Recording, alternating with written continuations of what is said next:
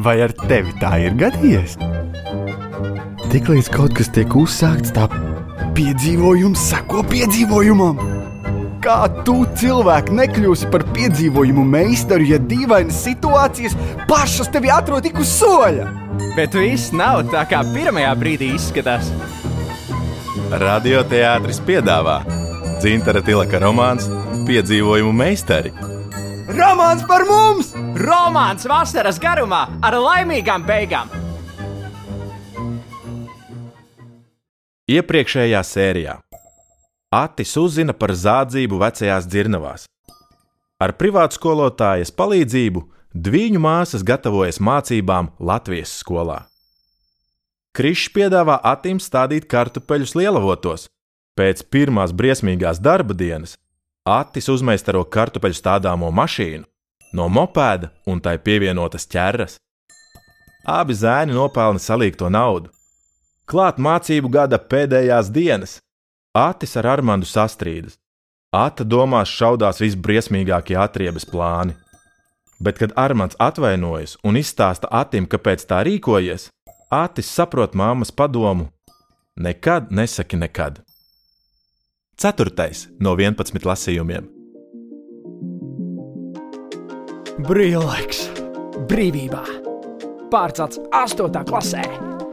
Vasara, idejas, piedzīvojumi, atpūtas. Tagad var darīt visu, ko es gribu. Darīt, šodien, rīt, un arī pārīt, pārīt. Apmēram tādā secībā, gan skaļā balsī, gan klusi pie sevis, gavilēja Atis saulainā dienā ceļā uz mājām. Tieši tā, gavilēja. Un pat melodiju izdomāja vienkāršiem sajūsmas vārdiem, ar muti atdarinot kaut kādu pirmo prātā ienākušo repa ritmu. Dviņu māsas arī priecājās, jo tika apstiprināta viņu uzņemšana pilsētas skolā arī 8. klasē. Tas nekas, ka meitenes ir gadu vecākas. Nekas, ka iznāk zaudēt vienu gadu. Galvenais, ka viņu zināšanas atbilst prasībām. Māsas bija ieplānojušas to atzīmēt ar pikniku. Tas tā esot pieņemts Anglijā. Arī Jātis tika uzaicināts. Un pēcpusdienā viņi trietā, nesot grozu, ar našķiem devās uz upi. Pēc pāris dienām Atis bija dzirnavās un uzsāka savas darba gaitas pie dzirnavu atjaunošanas. Gan iekšdarbi, gan ārdarbi tika veikti vienlaikus. Dažkārt celtnieki un meistari pat traucēja cits citu, staigājot iekšā, ārā, nesot materiālus un instrumentus. Kādu dienu Helmuts pasauca abus puišus un aicināja piesēst, lai parunātos. Situācija tāda, ka mums te pagalmā uz kādu brīdi būs par šauru. Šodien atvedīs mini-ekskavatoru, arī stālažas, kāpnes un jumta seguma nojumēm. Iekšā būs sakrauts flīzes un vispārējais. Ko varēsim, ieliksim vagoniņā, bet man ir drusku bažas, ka ar to metāla sētu ir tā kā par maz. Nu, saprotat, puiši? Baidies, ka atkal apzaks? Iespējams. Vajag suni. Nu, es iedomājos kādu no vīriem sarunāt, pasargāt, bet viņi nu, paši redzat.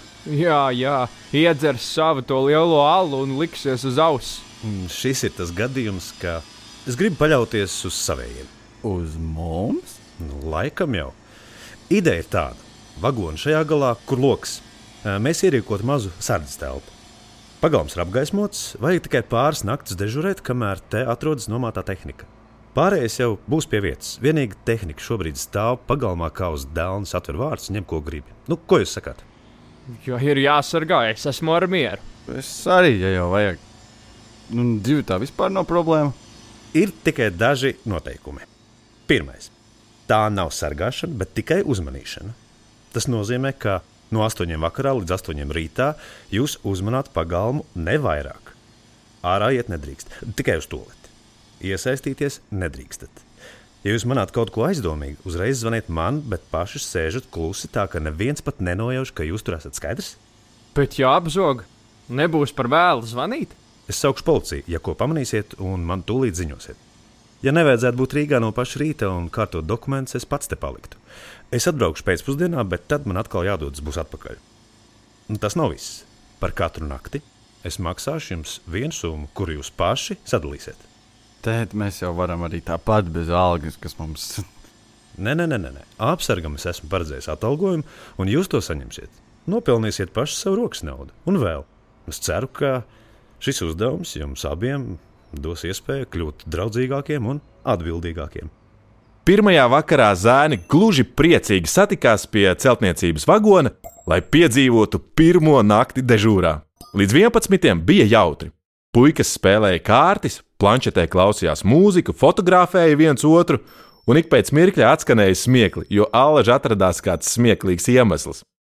Vēl nebija 12, kad Armands sāka žāvāties. Arī mūžās sarunas un smiekli norima, bet priekšā bija vesela nakts. Mums laikam vajadzēs dežurēt mājās, jo kad jēga abiem negulēt. Ok, tu vari iet pagulēt. Es tikai aizskriešu uz toleti. Modināšu četros, der? Ārā bija pilnīga tumsa. Tikai dzirnavu ēkas priekša un mazs pagalma laukums bija izgaismoti ar diviem prožektoriem. Naktī viss izskatās citādi. Nekad līdz šim viņš te nebija bijis naktī.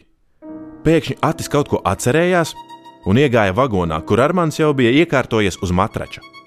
Zini, ko es atcerējos? Kad es biju mazs, mēs ar kaimiņu sīko tomu nācām uz dzirnavām. Vienīgā vieta, kur normāli varēja spēlēt paslēpes. Vienu reizi pie mums pienāca kaut kāds vecs tādā garā makšķernieku mētelī un teica, lai līdz tumsai te nepaliekot, jo varot satikt veco dzirnavnieci. Dzirdi, Armand? Spoku! Nākot te, apstaigājot dzirnavas, pārbaudot, vai viss kārtībā. Tu fufelis! Konkrēti! Jums stāstīja pasakas, lai neložņājiet pa drupām. Es arī tā domāju. Tagad, kad paskatījos tumsā uz dzirdamām, tad atcerējos. Es neticu spokiem. Es arī ne. Bet uh, vienreiz man, nu kā lai pasakā, Tu redzēji? es nezinu, kas tas bija. Īsāk sakot, apmēram gadu pēc mammas nomiršanas man gadījās kaut kas neparasts. Biju jau aizmidzis, un tad vienā brīdī jūtu, ka man kāds sakārto segu. Un tas nav nekas īpašs, jo, kad biju sīgs, katru nakti nospārdīju segu un pats pēc tam salu. Tā nu es to nakti jūtu, ka ienācis tētis un sakārto man to segu, tikai nedzirdēju, ka viņš iet prom. Tad es pacēlu galvu un ieraudzīju, ka tas nav tētis. Oh, kas tad? Tu vari neticēt, ja gribi, bet man tajā brīdī likās, ka tā ir mana mamma. Es redzēju tādu, nu, tādu kā garu figūru mēnesi gaismā un pieliektu galvu uz sāniem. Saproti? Ej, tu nost, vajadzēja nofočēt! Un viņu aizbiedēt? Tu taču zini, ka nekas nesanāktu.